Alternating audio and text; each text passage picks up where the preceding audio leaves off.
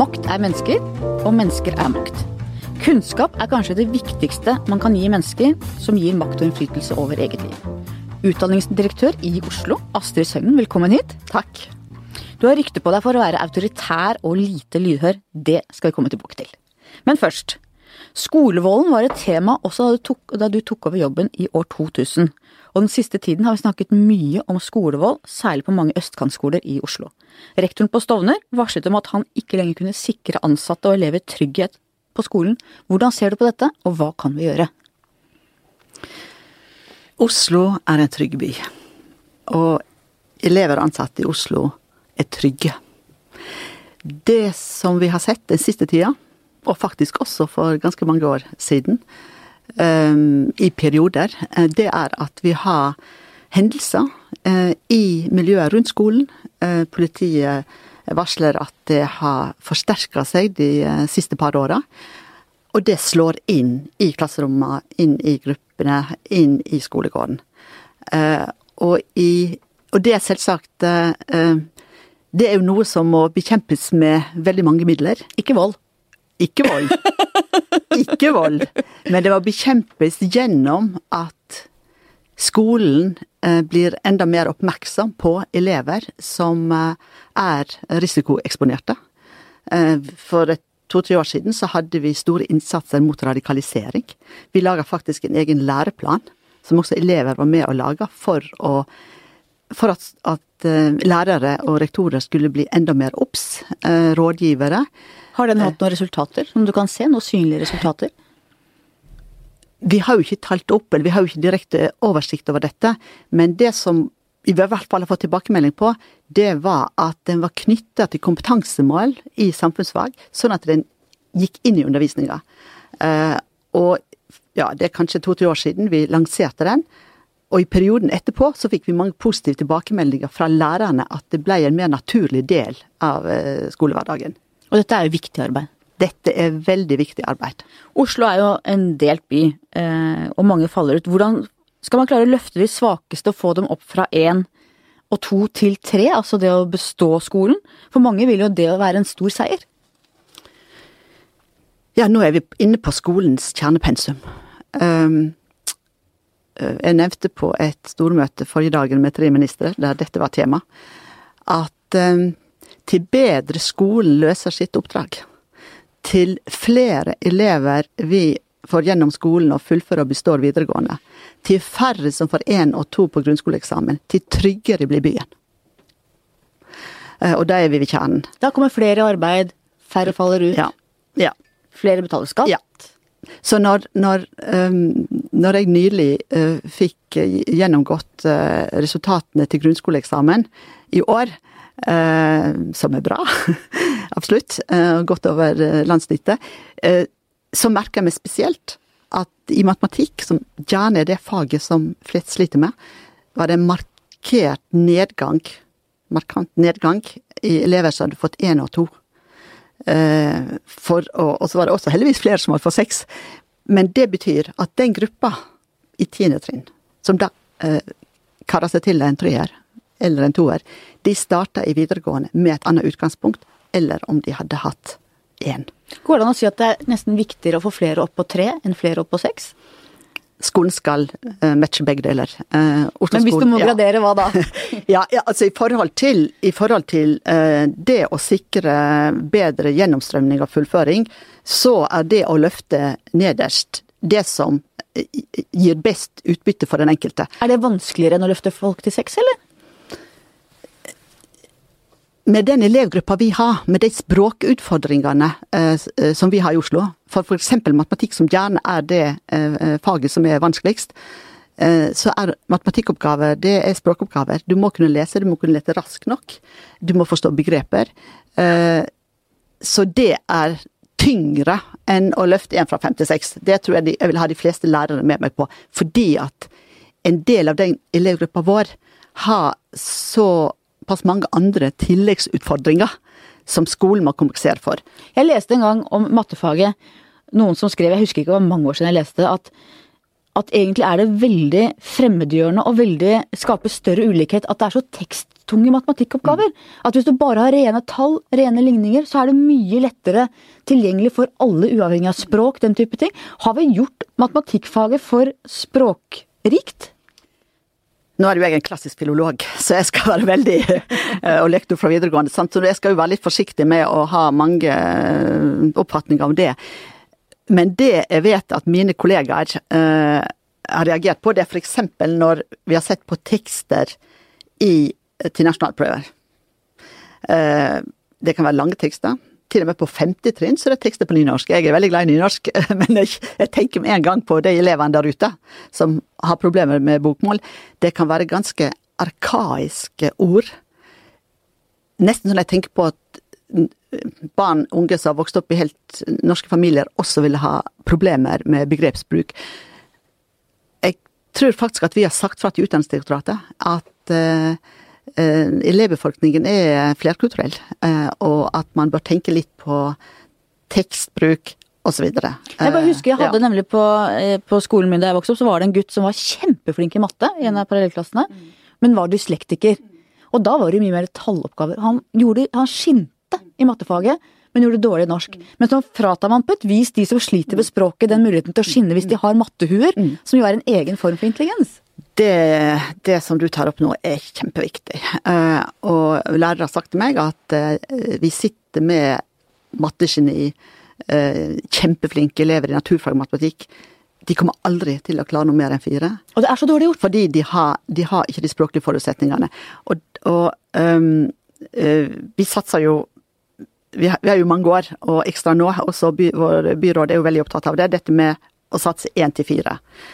Altså første, fjerde, første, ja, tidligere innsats. Altså dette har jo vært et nasjonalt og kommunalt prosjekt i veldig, veldig mange år. Og for oss er det utrolig viktig, sant? ekstra med de språkutfordringene. Og da er det å følge opp elevene hele veien. Altså ikke bare sånn tenk dette går sikkert bra, men du må faktisk uke for uke, og vi må ha lærere som har et bevisst forhold til didaktikk, hva er didaktikk? Det må du forklare. Didaktikk, det er undervisningsmetode. Altså forstå, ha mange verktøy i kassa for å møte de utfordringene som eleven har. Og faktisk eh, forstå når man ser resultater på tester eller prøver som eleven har. Hva betyr det? Her er ti kategorier som den eleven skal, eh, skal prestere innenfor. Hva betyr det at de fem elevene der har store problemer med avkoding osv.? Det Altså det er ikke automatisk at lærere har dette i sin lærerutdanning. Uh, sånn at det er en Vi har utfordringer i Norge på veldig mange punkter knytta til å faktisk matche uh, matche de utfordringene som elever, våre elever står overfor. Og vi har for få lærere med den type spisskompetanse. Det merker vi i Oslo, for vi søker etter dem. Vi, vi virkelig sånn der støvsuger markedet for å finne lærere som er eh, minst har master i, i eh, si, undervisningsmetoder, for å snakke enkelt, innenfor norsk for elever som ikke er født og oppvokst i Norge, eller har en fattig språkbakgrunn. Og husk på en ting, de kommer Vi har for mange elever som kommer fra barnehagen etter å ha gått fire år i barnehagen, eller tre, og som kan veldig lite norsk. Og det er ille. Nå er vi nemlig inne på Oslo-skolen, som da fire av ti elever i Oslo-skolen er minoritetsspråklige, altså snakker et annet språk hjemme enn det de gjør på skolen. Hva betyr det for byen? Og skolen? Det forteller at Oslo er som andre europeiske storbyer, at vi er en speltedigel. Uh, og det å ha en, den type rikdom i elevbefolkningen, det syns jeg er kjempeflott. Men man kan ikke bare se på det som et eksotisk innslag. Vi må gjøre den forskjelligheten eh, som disse elevene representerer, til en styrke, for det er en styrke for samfunnet. Derfor må skolen yte optimalt fra dag én. Og det er, det, det er vi som skole, skoleeier og lærere og skole der ute, som må yte mer for denne, del, denne delen av elevgruppa for at de skal klare seg. For at det de representerer, skal eh, bli en ressurs, eh, og at de skal på linje med alle andre få eh, få brukt sitt potensial. Forskjellsbehandling for å få økt likhet? Ja. Forskjellsbehandling. Tilpassa opplæring er forskjellsbehandling. Systematisk forskjellsbehandling. Det å behandle alle likt, Det blir ulikt. Det blir ulikt. Eller det blir urettferdig ulikt. Ja. Du var inne på dette med barnehagen. Det kommer altså barn ut fra barnehagen og barn som begynner på skolen som ikke snakker norsk. Eh, jeg har en god kollega, Shazia Sarwar, som har skrevet mye om dette også i kommentarer. At det å få innvandrerkvinner i arbeid gjør at mange barnehageassistenter, særlig oppover Groruddalen og sånn, jobber som assistent, er innvandrerkvinner. Men det er ofte kvinner som da ikke behersker godt nok norsk. Så for å nå målet med at flere innvandrerkvinner skal i jobb, så oppnår man at barna går i barnehage hvor ikke de lærer å snakke ordentlig norsk. Eh, jeg har hørt om eh, innvandrerfamilier som snakker veldig godt norsk hjemme, sender barna i barnehage, og så snakker barna etter hvert dårligere norsk for at det de omgir seg med mesteparten av dagen er voksne kvinner som ikke snakker godt nok norsk selv. Skal man, hva skal man gjøre med det? Jeg kjenner meg godt igjen den beskrivelsen.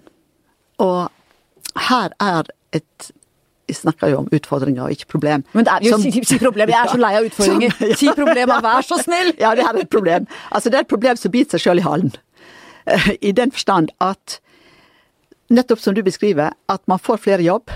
Språken, språkforståelsen og kunnskapen og ferdighetene er langt fra gode nok. Og dette nær sagt, det bare øker. Eh, og det gjør at disse barna ikke lærer godt nok norsk. Nå er det jo Eh, politikerne i byrådet eh, sammen med oss eh, arbeider med dette og med bydelene, bl.a. ved å innføre språkkrav. Saken er jo at det blir ikke flere som snakker norsk uansett hvor mange språkkrav du får. Så nå skal vi i voksenopplæringa inn og tilby kurs, følge opp, stille krav om noen spesielle tester som man skal ha for å kunne jobbe videre. Dette konseptet eller dette opplegget er ikke klart, men det er en absolutt en erkjennelse fra oss og fra politikerne at dette kan ikke fortsette. Og, og uh, vi har tatt opp i mange at uh, det må skje noe mer strukturert og systematisk med språkopplæring i barnehagen. Uh, for det å gjøre barn en bjørnetjeneste, at de kommer over i skolen. Og når de da blir Skolen må jo kartlegge dem, for de må jo finne ut om de skal ha såkalt særskilt norsk. Da forutsetter det at det ligger At skolen må ha en test som, som som ser det. Og vi ser jo da skoler i Groruddalen der eh, ja 56 av 58 som begynner på skolen, trenger vedtak om særskilt norsk. Og det er, det er alvorlig. Ja, for eksempel hvis du har 56 skolestartere, ja. så er det rektorer som opplever at så stor andel, altså 90 Nesten alle. Ja. Mm. Ja, for da er vi nemlig ved dette med at noen skoler i Oslo har mer enn 90 mm. fremmedspråklige elever, og andre har omtrent ingen. Mm. Og det betyr at ingen av elevene på noen av disse skolene egentlig eh, går på en skole som speiler det samfunnet Nei. de skal inn i. Mm.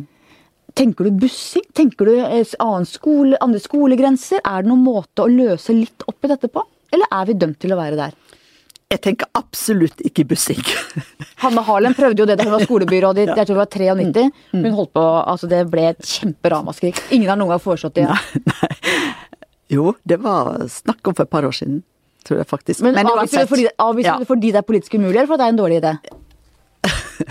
altså, det, det er mange grunner til at jeg avviser det. Altså, det, det er eh, Jeg syns det er stigmatiserende. Eh, jeg syns det er eh, Ja, jeg har mange grunner til at jeg aldri ville anbefalt det. Det rent praktiske er at våre skoler er fullstendig fulle, så hvis vi skulle busse elever fra Rommen til sentrum vestover, så måtte vi også busse andre veier. Ja ja, det måtte vi. måtte busse begge veier. Ja, ja. Så man må ha busser som Det tror jeg nok at det var noen som ikke helt har tenkt på da det først, uh, først ble lansert. Uh, det andre er at uh, vi, vi har mye å gå på, tenker jeg. Både på barnehage, på fritidsaktiviteter, på skole når det gjelder å gjøre skolen enda bedre. Altså følge enda mer med, støtte enda mer opp. Sikre at de ressursene som er rundt familien, altså både helt nederst én til fire eller fem og videre oppover, at de er koordinerte. Eh, på en slik måte at vi støtter opp om alle typer språkaktiviteter rundt barn og familier. Den mener jeg vi kan gjøre. Fritidsaktiviteter? Ja. Fritidsaktiviteter ja, klubbaktiviteter, skolen, aktivitetsskolen osv. At vi er enda mer prioritert. Men da må det være en felles forståelse og målsetting fra alle som har beslutningsmyndighet. Norsk er viktigst. Å være dønn prioritert. Og følge veldig nøye med. Man klarer jo mer i andre land enn det vi faktisk har klart i Norge. Jeg syns det er interessant. Det er klart det er helt andre forhold vi kunne språk, men vi bodde jo, min familie vi bodde i USA i tre år. Barna våre var fem og sju da vi flytta dit. I løpet av et halvt år var de flytende engelsk. Eh, Så barn er jo veldig lærende. Og jeg ser at vi har andre forutsetninger enn en familie for eksempel, med analfabet hvor foreldrene ikke kan språket. Men like fullt så undrer det meg at det er så mange barn som ikke snakker ordentlig norsk. Det forteller meg noe om at det er et eller annet som mangler både med undervisningsopplegget og rammene rundt også. Og jeg husker da vi kom til USA, så kom jeg på et sånt opptakssenter for eh, utenlandske barn. Møtte flere ganger der, og da var det en av, et av møtene handlet om at det satte seg ned en rådgiver og sa at nå er dere i et nytt land. Her er det slik at foreldrene engasjerer seg i skolen. Her er det slik at foreldrene sier tydelig fra hvis det er noe de er fornøyd med, misfornøyd med. Og så sa jeg til hun eh, rådgiver at vi er jo vant til det fra Norge. Og jo, sa hun, men det er veldig mange som kommer fra land her hvor det er helt uvanlig. Hvor foreldrene tenker at når de sender barna fra seg, så er det skolen sitt ansvar. Hva tenker du man kan gjøre for å få flere minoritetsforeldre engasjert i skolen og i barnas hverdagsliv? Eh, Det er viktig for meg å understreke at eh, apropos de spørsmålene om bussing og eh, den typen instrumentelle tiltak Det gjøres utrolig mye på skoler i Groruddalen, i Søndre Nordstrand, i, i, i Gamle Oslo, for å kompensere for den, den utfordring språklig og kulturelt som barna har med seg. Det må jeg få lov å understreke. Jeg tenker at det burde VG og andre skrive om. Um, men mitt poeng er jo at vi hele tida har mer å gå på. Ved at vi er enda mer, uh, enda mer prioriterte. Så hva gjør du med foreldrene? Og med foreldrene så uh, har skoler forskjellige opplegg. Um, altså jeg har jo ikke oversikt over alle, men, men for eksempel i, um, i, For noen dager siden så snakket jeg med noen rektorer på skoler med 90 og 95 uh, minoritetsandel. Uh, og da vi er inne i en foreldre, uh, i foreldremøtetid nå på den, denne siden av høsten, og, og de ser at de hadde hatt fire foreldremøter, og på to av de så hadde liksom dør-til-dør-aksjon, SMS-er, eh, mailer, ringe, hadde hjulpet veldig godt. De hadde full oversikt, det var barneskole, full oversikt de som ikke deltok. Så den neste dagen, jeg tror det var fredag 14 dager siden, så arrangerte de eh, frokostkafeer om morgenen. Og da hadde de på nytt tatt ringerunde.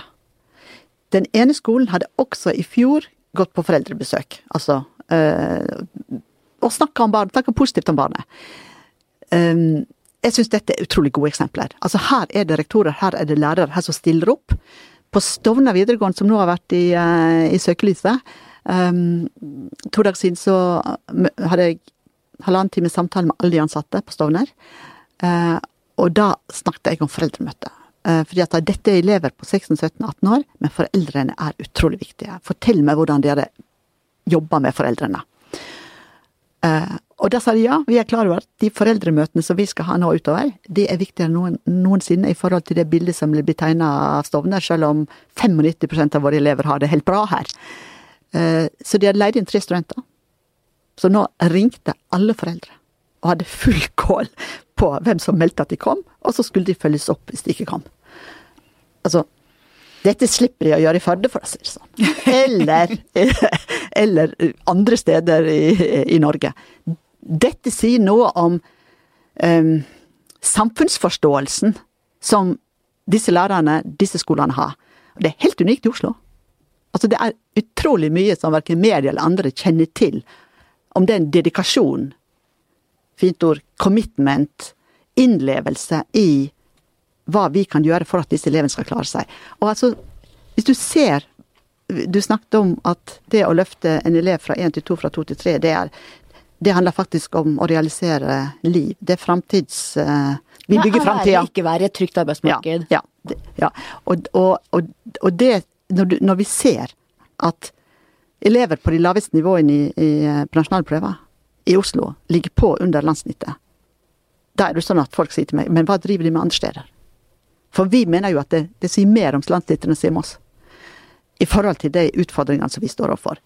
Hadde du besøkt en, en skole, en videregående skole uh, av de som har den største andelen, og f.eks. å være sammen med en av mine medledere, så vil han spørre rektor hvordan er det med de 40 elevene, hvordan står det nå til? Nå er vi i midten av uh, oktober snart. Da vil rektor kunne si altså de åtte her, de er på grønt. De er nå eh, fraværet nede, de begynner å komme i god flyt, dette går bra. Men så har vi 13 her på rødt. De følger vi nå oppukentlig. Noen, noen, får frokost når de kommer på skolen om morgenen, sant, for de har ikke spist. Noen, noen har ikke hatt noe sted å bo om natta.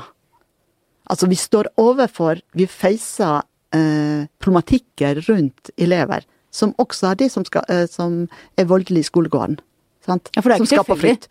Det er ikke tilfeldig. Ingen blir kriminell eller voldelig når du begynner på videregående. Mange har gått ti år. Mange har vært i mange uh, ustabile uh, forhold. De kan være nykommere til dels. De kan være andre generasjon, men de lever under så vanskelige forhold at jeg tror verken Hanne Skartveit eller undertegna hadde kommet særlig langt.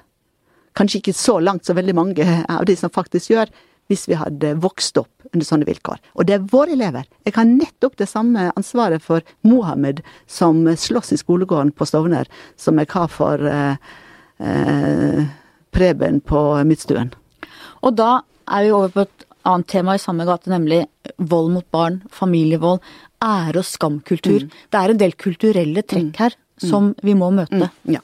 Hva tenker du om det? Ja, det tenker jeg at vi må møte. Og det er en del av den helheten vi snakker om. Det er en del av den øh, forskjellighetskulturen som øh, samfunnet kan velge å stille seg utenfor og kikke på og øh, harselere over. Det kan bli dyrt. Det kan bli dyrt. Ja, apropos det vi snakka om, at det er mye viktig at en elev klarer å bestå skolen, for det sparer samfunnet for veldig mye. Slik at Eh, for mange år siden, det var, ja, det var vel under den rød-grønne regjeringa, så etablerte man nå et, eh, et, institutt som heter minoritetsrådgivere.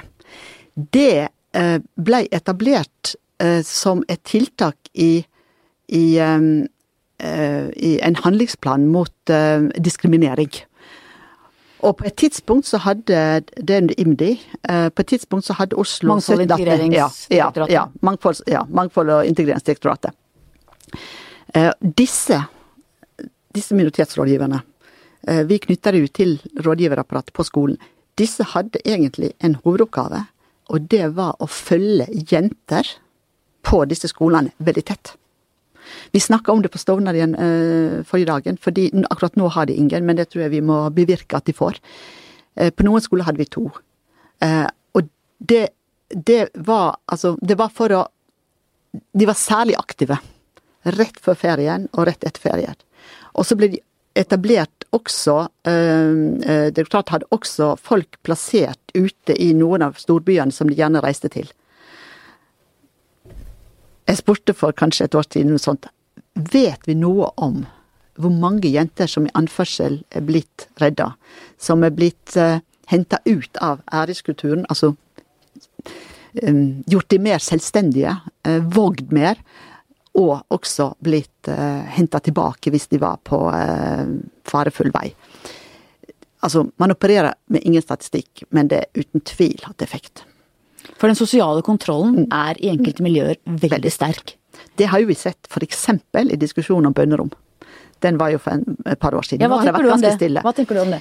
Um, det som jeg syns var problematisk med den diskusjonen, det var jo fordi Det var jo særlig én skole, da, som uh, Det var jo at det bønnerommet, det De som ønsker å benytte det, de ville gjøre det utilgjengelig for andre religioner.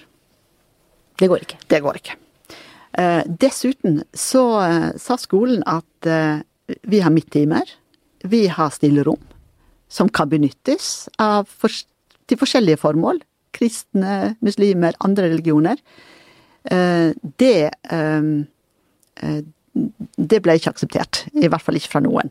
Men det ble, det ble i grunnen, det blitt ganske stille etter det, og uh, Oslo bystyre sa vel også fra at de uh, Altså, jeg hadde i hvert fall støtte på, politisk støtte på, at vi var restriktive, for det ønska rektorene.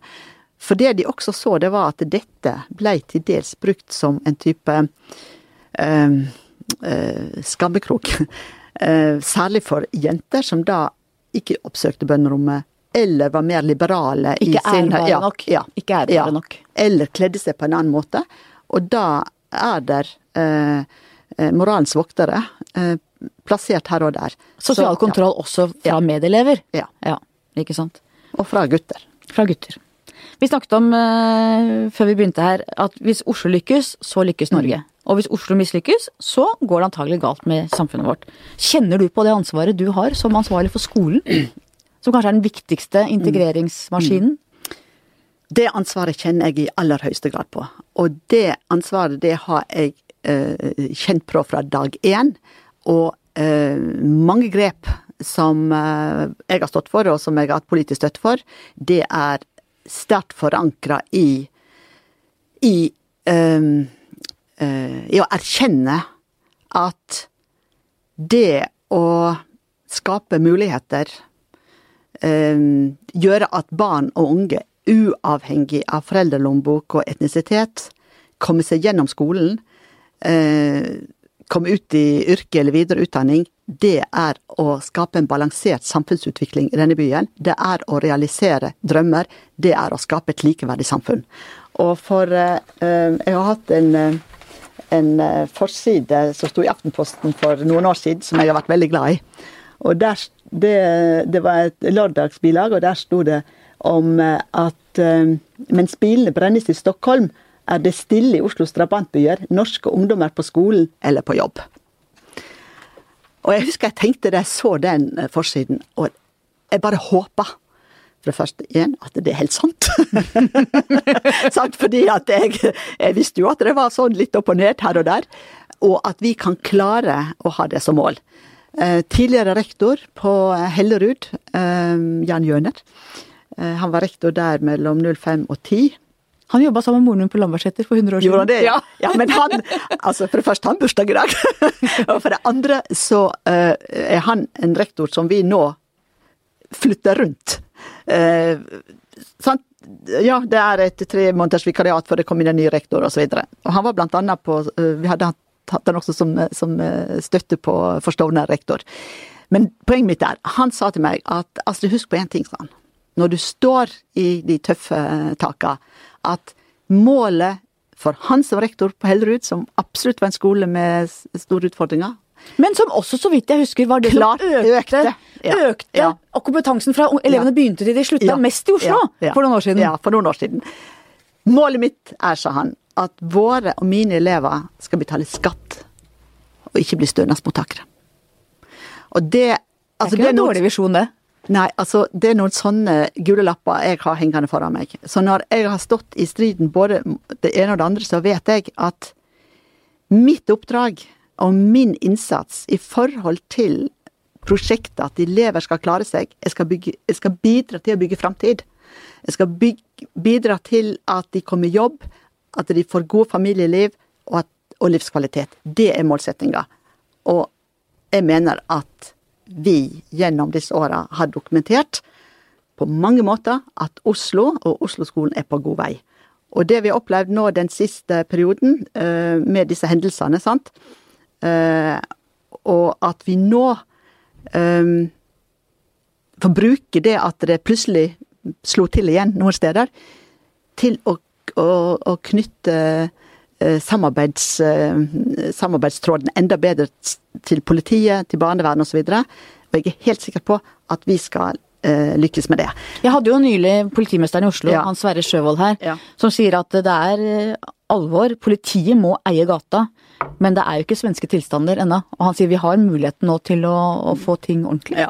Det er jeg veldig enig med han i. Uh, og han var jo også på Vi har jo vært sammen veldig mye i det siste. Um, og rektor og lærerne må være sjefen på skolen uh, og i skolegården og de må ha eh, Vi må støtte opp om ekstra innsatser, sånn at eh, alle de elevene som er der, eh, har gode læringsliv og gode skoledager. Og så må vi yte ekstra i forhold til de som ikke Ja, som skaper bråk. Men ikke på en sånn måte at de blir støtt ut. For det skaper ikke balansert samfunnsutvikling. Det skaper mer utrygghet. Uh, inkluderende tydelighet. Inkluderende tydelighet. Og også det der med at det er lettere å utvise, men utvise til noe. Uh, det, jeg var i Stockholm mer eller mindre samtidig med, med politimesteren uh, og med, sammen med min kollega, og det er, det er veldig stor forskjell. Uh, i det de uh, står overfor. Um, men det som også er interessant, Hanne Skartveit, det er at um, og det, det, det, tar jeg tilbake til Oslo-skolen, og, og, og um, byens borgeres tillit til Oslo-skolen.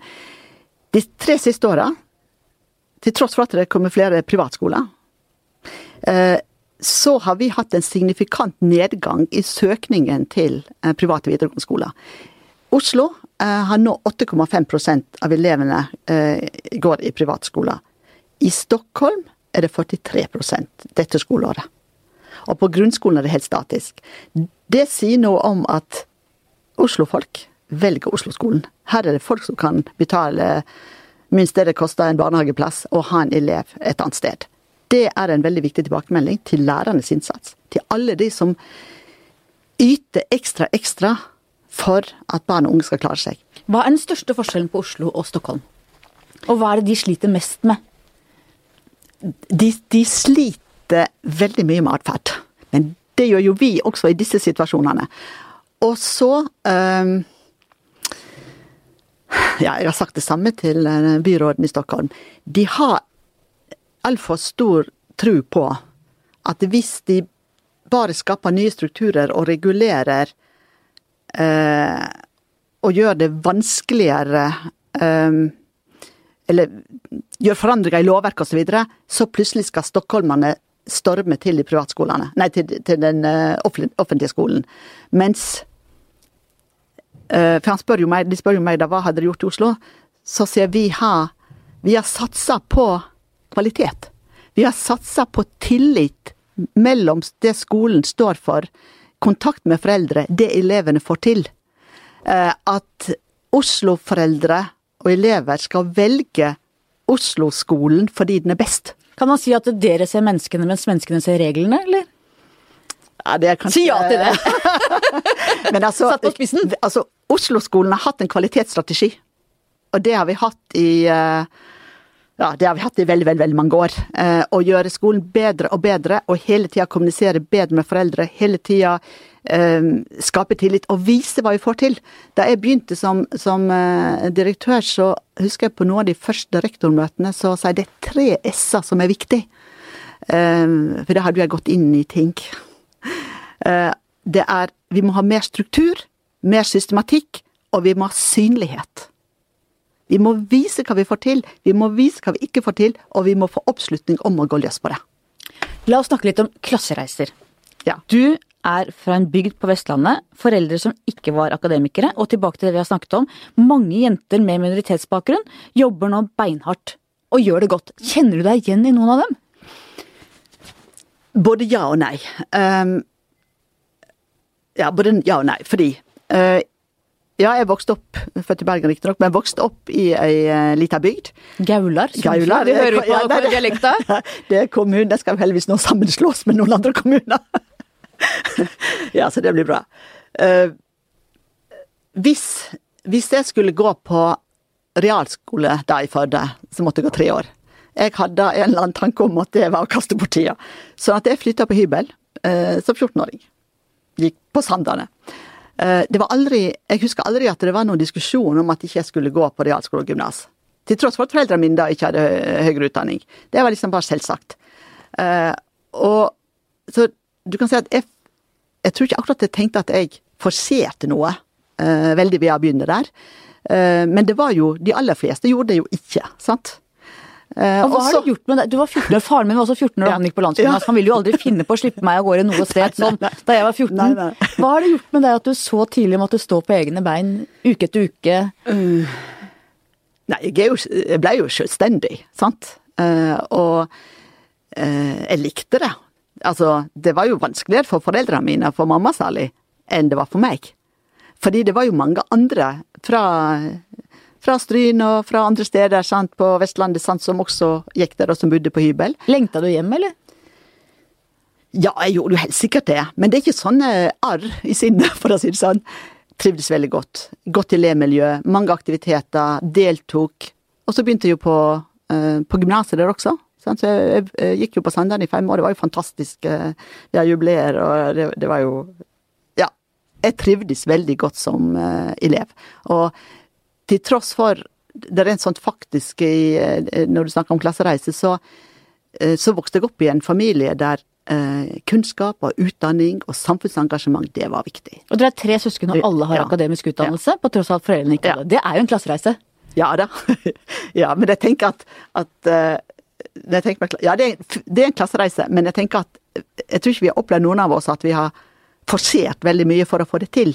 Til tross for at det i det bygdemiljøet eh, ikke var vanlig. Hvis du skjønner. Ja. Hva drev moren din med? Mamma har sjuårig eh, utdanning, og mor og far bodde i Bergen. Eh, mens far gikk på en teknisk skole der. Eh, han ble eh, alvorlig syk, eh, fikk alvorlig tuberkulose og var på Luster sanatorium. Da hadde mamma Var det mens du var liten, ba liten ja, barn, eller? Ja. Nei, da var ikke jeg født. Det var før jeg var født. Um, og da hadde mamma en jobb på Husfliden i Bergen. Men For det å forsørge dem, eller? Nei, nei. Det, nei, for pappa jobba jo ved siden av. Sant? Men hun jobba, hun jobba også da. Eh, Men så var det jo sånn da i gamle dager at eh, når man har fått tuberkulose til tross for at man ble frisk, så ble man anbefalt å ikke fortsette å bo i byen, men å eh, bo på landet. Og, og det gjorde jo da at, at mor da ble husmor resten av livet. Eh, Savna hun å jobbe, eller? Ja, det tror jeg nok. Men hun eh, tok jo ut en del av sine talenter gjennom alt ifra å skrive stilene til broren min på gymnaset. Er det lov? ja, men han fikk jo gode karakterer, for han ble jo sivilingeniør. ja. ja, det slapp hun, for jeg var flink til å skrive stil, så jeg hadde lyst til å bli journalist. Ja. Det er en morsom jobb, det kan jeg love deg. Ja. Men faren din, hva var det han jobbet med? Teknisk? Ja, han var, han var håndverker øh, og byggeleder på øh, kirker og hotell og diverse. Så han var jo, han var jo veldig mye på reise. Eh, ja, var hjemme i helger, og da husker jeg han alle tegninger som lå utover stuegulvet og ble studert. Og, så jeg vil jo si at det var jo veldig mye mamma som oppdro oss. Hva slags type var hun? Nei, det blir vel sagt at jeg ligner mye på henne. Uh, Hun var streng. Ja. Nei, men sånn um, Ja, tydelig. Tydelig. Ja. Og faren din? Han var mer fraværende. Uh, jeg tror nok han abdiserte litt i den, i den liksom, oppdragerrollen, for han ikke var det så mye. Men uh, um, vi alle ser tilbake på en trygg og god oppvekst. Og du begynte jo da som lærer i første åtte årene, vel? Lærer Ja, jeg studerte jo. eh, Fire mellomfag, ja, hovedfag. Ett og et halvt hovedfag. Masse, masse, masse. masse. Ja, masse, masse, masse. masse ja. Eh, jeg begynte jo som eh, Altså, jeg var veldig i tvil, for å si det rett ut. Eh, så begynte jeg på pedagogisk seminar eh, på Blindern. Så gikk jeg der i en måned. Så tenkte jeg herlighet. Så hadde jeg samtidig søkt eh, på eh, noen stillinger i lærerutdanninga. Hadde en idé om at kanskje det ikke var så verst. Eh, og det plutselig ble jeg ringt opp, at jeg kunne få jobb i Alta. På Høgskolen i Alta. Det var egentlig veldig morsomt. Så sa jeg ja til det. Slutta da på pedagogseminaret etter en måned. Dro til Alta. Bodde på hybel. Og underviste i norsk. For jeg hadde jo norsk hovedfag, litteraturvitenskap, mellomfag. Og, og det som var mest interessant med det året der oppe, det var at eh, det var sikkert noen sånne eh, Finnmarksmidler på en eller annen måte. I hvert fall så kom det um, en samisk kontingent av studenter, eller ja, som jeg tviler på de hadde noe fullført videregående. Men de skulle da bidra til å rekruttere faglært, faglærte lærere til det området.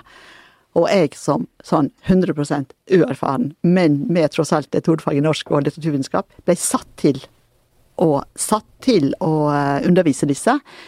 Og hjelpe de gjennom til å eh, bestå såkalt kvartårsegning, som det heter på den tida. Det, liksom, det var minimum du måtte ha i norsk. Og jeg underviste, og jeg underviste. Og vi hadde, vi hadde Jeg husker jeg hadde, undervisning på lørdager. Jeg bodde jo på hybel, sant. Jo, det var jo greit å bruke fritida. Det gjorde de også, egentlig. fordi dette var jo Alta, så de kom jo fra Kautokeino og Karasjok og rundt omkring. Å, herlighet, de klarte seg. Og det er sånn, Jeg kjenner fortsatt at jeg får nesten hjertebank jeg snakker om det. sant? Fordi Apropos det vi snakka om i stad, dette med å skape framtid gjennom å investere og hjelpe folk til å utnytte sine anlegg.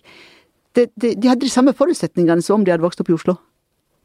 Eh, men de hadde bare noen mindre gunstige betingelser rundt seg for å klare seg. Og så var du da i klasserommet i noen år. Mm. Det er jo lenge siden, da. Ja, må jo si det, det det begynner å bli ja. Ja. Men hvordan ser du endringene i lærerrollen fra den gangen du styrte klasserommet og fram til nå?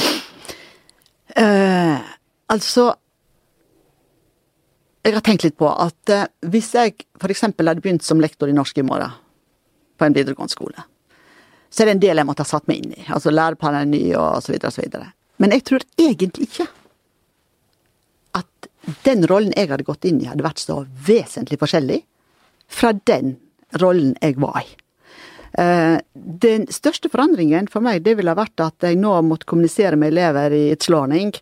At alle vurderingene vi Ja, måtte skrives inn der. Ja, ja, sant. Eh, At du skriver inn alle vurderingene der, og så videre. At alt, at alt det digitale. For det var jo ikke jeg. Jeg satt jo med A4-ark og ruta inn og ga tilbakemeldinger på den måten. Men i forhold til det å, å følge opp elever, skape begeistring, Uh, gå gjennom den prosessen på nytt som jeg måtte gjennom, at uh, Pers interesse for faget og det han klarte, ble viktigere enn min, min Hvor heldig jeg var som fikk lov å undervise i norsk. Sant, skjønner du? Flytte perspektivet på eleven, og ikke bare på meg. Um, ha kontakt med foreldre. Altså, kjernen i lærerjobben, sånn som jeg opplever den, er, og da snakker jeg om videregående, det er der jeg har min erfaring, sant, er ikke vesentlig, vesentlig forskjellig. Og jeg snakker om kjernen. Men selve rollen jeg så, eh, Facebook bringer jo så mye rart. I går fikk jeg plutselig noen som hadde sendt eh, klassebilder fra første klasse da jeg begynte på Manglerud, med hun som vi fortsatt alle sammen omtaler som frøken, læreren vår. Som vi hadde da de første seks årene, og så hadde vi en veldig god lærer som vi var på fornavn med eh, de siste tre årene. Dette var da Manglerud, drabantby sørøst i Oslo. Ni av 13 jenter har fullført høyere utdanning. Eh, Og det tenker jeg er, eh, sier ganske mye om hun frøken og han eh, Ivar, som han het. Um, og jeg tenker at det er at hvilken viktig rolle læreren spiller, og hvor viktig det er at læreren eier klasserommet. For hun, og hun bare eide klasserommet og hadde full kontroll på oss. En gjeng med litt viltrunger. Eh, ja, jeg er helt enig i det. Uh, og når jeg da liksom forflytter meg tilbake til 3480 Uh, der jeg mener også at jeg eide klasserommet uh, i, uh, For jeg underviste hovedsak i norsk, eh, og var såkalt klasseforstander, da. Um, og eh, ja. Og altså jeg, Ja, jeg ser for meg noen elever. Dette var jo Lillestrøm videregående. sant? Altså eh, Det var jo eh, flinke unge var jo elever fra hele Romerike, og, og også mer sånn kunnskapsbyen Lillestrøm, sant, med forskningsinstitutten og Så det var jo, det var jo en blanda eh, elevgruppe der også. Eh, Men jeg husker jeg hadde elever som jeg faktisk fortsatt har kontakt med, som hadde sine utfordringer eh, på forskjellige måter. Blant annet, eh, apropos det vi snakket om som dyslektiker, en hadde store problemer. Hadde skrev så mye på norskstilen, fem linjer. Og jeg hadde ikke lært noe spesielt om dette her, men jeg måtte bare bruke sunn fornuft. Så når de andre elevene satt og skrev heldagsprøve, så tok jeg, han, tok jeg han med meg i et eget rom. Og så fortalt, snakka han seg gjennom, og så skrev jeg. Og så viste jeg han Er du klar over at vi har skrevet fire av fire sider? Du har så mye å fortelle. For jeg visste jo han var samfunnsengasjert osv., osv. Men han hadde en sånn skrivehemming som var helt grenseløs. Og jeg tror ingen, og en annen elev på samme måte, som jeg også gjorde masse tiltak overfor, begge disse to, begge disse to, hadde jeg gått kjempebra med, og jeg tror ingen var mer glad enn jeg når de klarte to treere til eksamen. Jeg var, jeg var nok en Altså, jeg var jo veldig ærgjerrig, da, på mine elevers vegne. Så jeg fulgte jo utrolig med. Men det at jeg hadde det lærergenet og har opplevd dette sjøl, det er jo sånn jeg er leder. For jeg har aldri gått lederutdanning. Sant? Eller hatt medietrening, for så vidt. Men, men min lederopplæring, det var det å være lektor i videregående. For det er nesten det samme. ja. Nå skal vi komme det. tilbake til lederstyr, som jo har vært mye omtalt. Etter hvert bare én ting til når det gjelder autoritet i klasserommet. Eh, krisemøtene om Stovnervollen nå, hvor det kom fram på dette krisemøtet som var at, at en del av dem hadde ikke engang respekt for politiet. Eh, lærere som forteller at de opplever at det er mye mindre sanksjonsmuligheter nå. Dette er vanskeligere å sende folk på gangen, utvisning osv. Har lærerne etter hvert fått for få verktøy i verktøykassa si? Det tror jeg man skal diskutere. Um, fordi at lærerautoriteten er utrolig viktig. Eh, og det er den trygge, solide lærer som er eh, den som leder læring. Altså, når jeg tenker på meg sjøl, jeg var aldri i tvil om det. At i klasserommet så var det jeg som var sjefen. Men det betyr ikke at man er autoritær, men man må ha autoritet. Og læreren må ha autoritet. Og det tenker jeg de bør lære mer om på lærerutdanninga. Sant? Du har jo sendt rektorene dine på ulike lærekurs og lederkurs og Ja, vi har eh, Ja, absolutt. Eh, men nå snakker vi om lærerne, sant. Men eh, fordi at det som skjer i det daglige, er jo veldig avhengig av, av læreren, og det læreren får til. Jeg tror nok at det er sunt å ta en gjennomgang av de verktøy og de mulighetene læreren har for å bli enda tydeligere autoriteter. Men tror jeg at du er enig med meg når jeg sier at de kanskje har for få verktøy? Ja, det mener jeg man bør se på, uten at jeg kan si at ja, det er akkurat det eller det. Men, men jeg syns kanskje at de diskusjonene, eller det vi har opplevd nå på Stovner, og det er jo alltid sånn at når det er noe spesielt som skjer, så genererer det også at man begynner å snu noen steiner som kanskje ikke hadde gjort ellers. Så vår byråd lanserte jo annet det med at man skal se på utvisning. Og det, det tror jeg er helt nødvendig. Jeg hadde akkurat en sånn episode for kort tid siden der jeg var helt sikker på ja, men her må man. Sant? Men når jeg da tok heisen ned noen etasjer og sjekka det med juridisk seksjon, så Så er det ikke lov? Så Astrid, det der Her vil vi gå på Dette kan ikke vi gjøre. Jeg kjenner det, at Nå ble jeg litt sånn gammeldags, ja. For jeg tenker at det må jo, lærerne må jo kunne ha de mulighetene. Men så er det rettsvern, sant? og leder av Elevorganisasjonen var jo opptatt av det. Og som jeg sier det at, som jeg har sagt tidligere, at det er våre elever. Vi skal kompensere, vi skal hjelpe dem videre, vi skal få dem ut og stoppe en kriminell løpebane, og vi skal vise vei. Da må det være forskjellige virkemidler, men det betyr ikke at ikke man skal sanksjonere og stoppe opp og få de over på andre, andre, løp. Når du ser på elevdemokratiet, da, mm. f.eks. debatten om fraværsgrensa, mm. så tenker iallfall jeg at når elevorganisasjonene er så mot den type ting, så er det de ressurssterke elevene som taler på vegne av de ressurssterke elevene. Fordi at det er de svake elevene som trenger rammer, mm. og som også trenger typen fraværsgrense for å klare å gå på skolen. Mm. Er du enig med meg i den vurderinga? Du ja. nikker? Ja. Ja! Utdyp! um, Altså, den fraværsgrensa, den har jeg venta på. Uh, og uh, vi var så heldige også at vi kunne være i uh, samarbeid, eller spille inn til departementet der de utforma den. Vi så at en, en, grense som dette vil ha både positive og negative virkninger. Og vi, det er klart vi tenkte på vår elevgruppe. Vi tenkte på alle de, som, alle de elevene våre som er så lite firkanta. Men vi visste også at noen av disse trenger grenser mer enn noen andre. Og ofte de svakeste. Ja.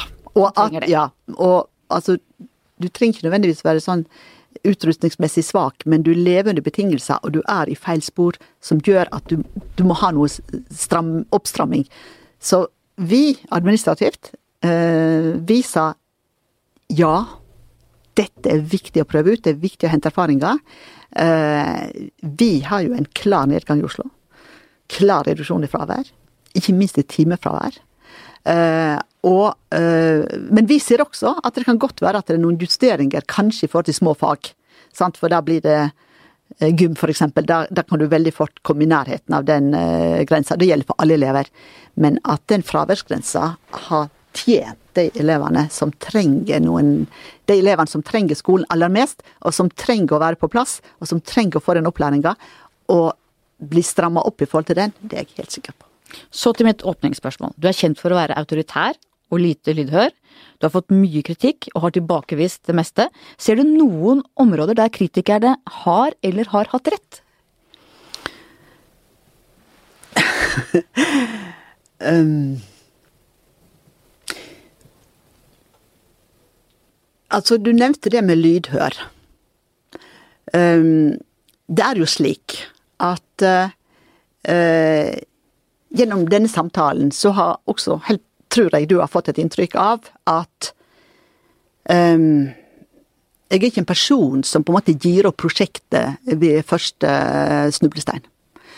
Eh, og i de åra som jeg har faglig leder Oslo-skolen, så har vi gjennomført tunge faglige tiltak. Vi har gått opp nye løyper. Uh, og noen ganger er det slik at når man skal gjennomføre eh, forandringer, som f.eks. For betyr at vi har elever og elevgrupper som må følges og følges og følges og følges. Um, så vil man bli opplevd som at man kjører og kjører, og liksom ikke stopper nok opp og tenker seg veldig om og snur og gjør litt annerledes. Det forstår jeg. Jeg forstår det, og det betyr ikke at jeg mener at jeg skulle ha gjort veldig mye annerledes akkurat når det, når det gjaldt å stå løpet. For jeg vet at det har vært helt nødvendig. Det har vært helt nødvendig i noen situasjoner å bare bryte gjennom lydmuren og si at elevenes læring er viktigst. Norsk er viktigst. Og i noen sammenhenger så er norsk, det at den eleven lærer norsk, viktigere enn kunst og håndverk. Hvis du skjønner. Altså, det å stå for en del sånne holdninger gjennom eh, et langt løp, det kan være tøft. Men har kritikerne, kritikerne hatt rett på noe punkt? For du svarte ikke helt ordentlig på det. Ja, jeg vet ikke om jeg, jeg husker alle de Altså, det er jo sånn Det er jo sjelden at man får kritikk, at ikke det er noe riktig i det. Og det, da vil jo, altså for å si det sånn, hvis jeg ser på prosjektet, eh, det å, eh, å utvikle Oslo-skolen eh, Hvis, hvis jeg og mine folk og lærerne, eller rektorene først og fremst der ute, ikke hadde stoppa opp og, og, tatt inn over oss kritikk herfra og derfra, diskutert bør vi gjøre sånn eller sånn, dette her, det er vi sikre på at vi har nok med oss, osv. Det gjør vi jo hele tida. Så på den måten vi lever et demokrati.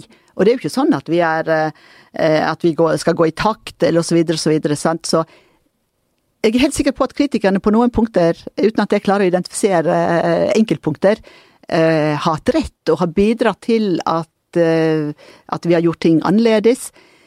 Men når jeg, når jeg knytter det an til hovedprosjektet, hovedgrepene, som jeg mener har bidratt til at enda flere ungdommer i Oslo klarer seg, og det skal vi fortsette med, eh, så har det vært et tøft løp. Ehm, og um, Har du vært deppa noen gang og følt deg litt motløs? Eller har kritikken gått innpå deg sånn personlig? Det er jo feil, ville vært feil å si at vi ikke har gjort det. Ehm, men jeg har vært så um, Hatt sånn forankring og underveis fått bevist at målsettingene eh, som politisk ble vedtatt, eh, som har vært uh, veldig tydelige, grunnleggende ferdigheter, lære norsk, trygge skolemiljøer, uh, har vært viktigere enn noe annet. Og det å ha den politiske backing, at noe er viktigere enn noe annet i denne byen, pluss trekke med seg alt, alt det andre, Eh, det har, har, gjort meg trygg. Eh, og da eh, er det lettere å forholde seg også til kritikk. Men noen ganger, klart, noen ganger har jeg tenkt åh, det hadde vært nydelig å vært skolesjef i ei lita bortgjemt bygd. der, der, man, der alle var snille med alle. Mm. Skjønner du? Mm. Hvordan ser du balansen mellom sentral styring og autonomien til den enkelte skole og skoleleder? det er en balansegang hele tida. sant. og det har vi absolutt hatt, eh, hatt, i Oslo. Men norsk skole Altså, vi har jo en, en, en uh, nasjonal læreplan, sant. Som alle skal Som gjelder for alle. Det å sikre likeverdighet i likeverdig kvalitet, det er viktig. Så når um, i denne perioden så har jo, både nasjonalt og kommunalt, så har jo man fått stadig mer kunnskap om det som skjer innom skolen. I Oslo har vi hatt det, sant? fordi det har vært helt nødvendig for oss å ha det for å, for å sikre at den elevgruppa får det, og den elevgruppa får det. Og at vi har tilbud både til de som, som, eh, som har de største og beste forutsetningene, og de andre. Da må man balansere mellom og hva er det vi styrer på på bynivå, og hva styrer vi på eh, Hva er det rektor eh, må ha ansvar for? Men f.eks. når vi har dokumentert flere ganger gjennom store prosjekter, det, det framgår også nasjonalt i nasjonale undersøkelser, at de største forskjellene i kvalitet i skolen, det er innom samme skole, de er større innom samme skole eller mellomskoler i Norge. Handler det om kvalitet på den enkelte læreren? Det handler om kvalitet i undervisning. Men det betyr jo på den enkelte læreren. Det handler om kvalitetsundervisning. ja, ja. Og, jeg gjentar, det betyr ja. forskjell på den enkelte læreren. og, uh, og, altså, vi hadde observasjoner, stå, såkalte ståstedsanalyser, som viser dette. Uh, og det, det ble mye snakka om. og de skolene som deltok, de sa ja, dette kjenner vi oss igjen i. Men bare det å få det opp, og få det diskutert. Når rektor ser at elevene i 5A de har helt andre resultater på nasjonale prøver enn 5B. De som går i 5B har helt andre forutsetninger nå for å klare seg videre. Da kan ikke, da kan ikke vi på en måte sentralt styre dette, men vi må være i en kontinuerlig dialog med rektor. Han må bidra til, eh, til at lærerne samarbeider på en sånn måte at det ikke er en kvalitativ forskjell på å være elev i 5A og 5B. Dette syns jeg er diskusjoner som de er så nødvendige, men de er ofte litt sånn undervurderte. Og så er de vanskelige, for det, det handler om for du sier det handler om undervisning, ja. men det handler om enkelte lærer. Og det er klart, da er det forskjell på den læreren i 5A og 5B. Ja. Og det er vanskelig å gå inn i mm, mm. for nærmeste leder, for kollegaer. Mm. Men det er det vi må avmystifisere. Sant? Og i, på mange skoler så har man såkalt kollegaveiledning. Nye lærere får mentorer. Jeg tror at vi nå, eller jeg er nesten helt sikker på det her, at vi nå og framover får at lærerne sjøl etterspør. De etterspør veiledning. Eh, det merker jeg på, eh, det merker jeg på eh, nyutdanna lærere. For vi, vi, kjører jo et såkalt kurs, 50-timerskurs som heter Oslo-læreren. Kurs for nyutdannede lærere. Og vi har jo en ca. 400-500 hvert år som er nyutdanna. Og de Jeg merker bare på noen få år at de har en annen innstilling til dette med å bli fulgt opp at det kommer noen med i klasserommet, gir tilbakemelding, og at vi får dette som en struktur. Da er vi på veldig, veldig, veldig riktig vei. Men er det en fare i at for mye målstyring kan føre til passivitet, mangel på initiativ? At lærerne mister noe av sin helt nødvendige selvstendighet? Målstyring inne i klasserommet, det er jo læreplanens mål som styrer. Når jeg begynte som lektor på Lillestrøm videregående, så kom det en hovedlærer i gangen til meg. Jeg kan se det for meg. Så, Det var min første sånn ordentlige jobb i videregående. Og så sier han Astrid, her er pensumlista for eh, tredje klasse. Studiespesialisering. Her ser du hvor mange sider det skal være. Uh, jeg hadde en følelse av at hun hadde som en læreplan. Uh, og da sto måla der. For meg, for, meg mål, for meg, var målstyring da jeg var lærer, det var de måla sto i læreplanen. Det var de jeg skulle lede elevene til. Det var det som styrte min min eh, virksomhet. Og så måtte jeg følge med på karakterer de fikk. Fikk de tre på stilen sin, så måtte jeg sette opp alle kulepunkter som skulle til for at de fikk fire. Slik at eh, målstyring for meg, det er, det er, at man har mål som man styrer etter. Og i et samfunnsoppdrag så har jeg mål fra bystyrepolitikerne og byrådet. Lærerne har, har mål i forhold til eh det faglige arbeidet. Så det er det er veldig mange myter og, og, og avsporinger når man snakker om, om mål- og resultatstyring. Klart at jeg som lærer må følge med på elevenes resultater og gjøre forandringer hvis jeg ser at mine elever klarer seg dårligere enn andre, enn andre elever. Så du vil avmystifisere? Ja, jeg avmystifiserer eh, Jeg har ikke noe forhold til New Public Management som man snakker om. Jeg snakker om det å, det å, å, å lede ut ifra at noen har, har bestemt noen mål.